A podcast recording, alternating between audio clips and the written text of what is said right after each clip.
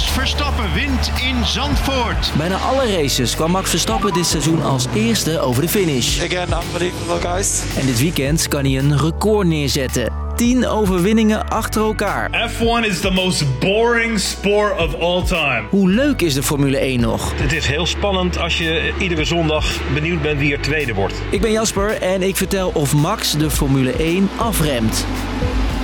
It's lights out and away we go. En 3FM. Kijk je elke race, Een hele fijne 1-2 opnieuw voor het team van Red Bull. dan klonken ze tot nu toe bij Viaplay bijna allemaal hetzelfde. Nederland heeft de winnaar hier in Monaco. Verstappen, fantastisch gedaan. 11 van de 13 races stond Verstappen dit seizoen bovenaan. En ook vorig jaar won hij 15 van de 22 races. Maar niet iedereen is hier blij mee. Formula One is just so boring nowadays. I mean, Red Bull's just too dominant. It's not fun to watch, and it's because of this one man right here. Zet je nu je geld in op Verstappen als winnaar op Monza, dan pak je voor iedere euro maar zo'n 20 cent.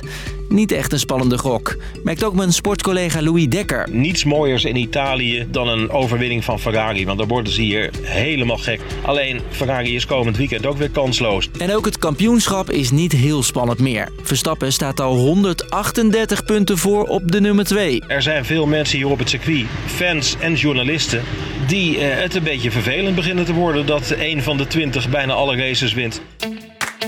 Race na race hoeven de commentatoren van Viaplay dus eigenlijk maar één ding te zeggen. Niemand zet Max Verstappen de voet dwars. Hij wint voor de derde keer op rij hier op Zandvoort. Hoe kan het dat één iemand zoveel wint? Het simpele antwoord, volgens Louis, Red Bull heeft een hele snelle auto. Daar is iedereen het wel over eens. Daar kun je zelfs allemaal statistieken en grafieken opleggen. En dan zie je dat of het nou Ferrari is, of Mercedes, of Aston Martin, eh, of wie dan ook. eh, geen coureur, geen team, geen auto komt in de buurt van Red Bull. Maar Verstappen is ook veel sneller dan zijn teamgenoot met dezelfde auto. Verstappen is buiten categorie. Ik denk dat alleen op dit moment Hamilton nog een, enigszins te vergelijken is met hem qua talent en qua ervaring ook. Waar dat precies in zit, dat is lastig te zeggen. Hij maakt zo weinig fouten. Hij is zo snel en zoveel sneller dan de rest. Je kunt niet zeggen het is de coureur, je kunt niet zeggen het is de auto. Het is de combinatie van. Dit zegt Max daar zelf over. Het is niet makkelijk om negen wedstrijden achter elkaar te winnen.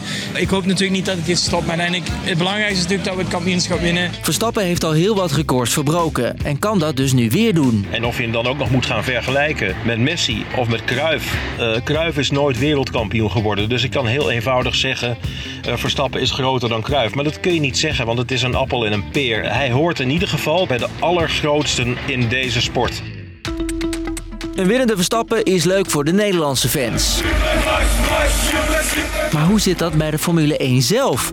Zijn ze daar eigenlijk een beetje blij met al die Nederlandse overwinningen? Voorspelbaarheid is nooit goed voor de sport. En dus, dus zie je wel dat er wat zorgen zijn. Want het is een bedrijf dat gewoon geld wil verdienen. Verstappen crosses the line to win nine Grand Letzte Kurve für Verstappen und dann flat out. Meer dan 80 landen zenden de race live uit en wereldwijd kijken er zo'n 500 miljoen mensen.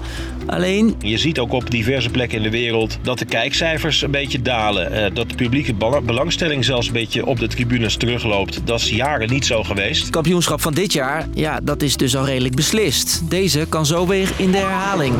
Max Verstappen, you are the world champion. The world champion. Ook het team van Mercedes was ooit zo dominant. Lewis Hamilton won vier titels achter elkaar. En ook Ferrari was met Schumacher een tijd lang een stuk beter dan de rest.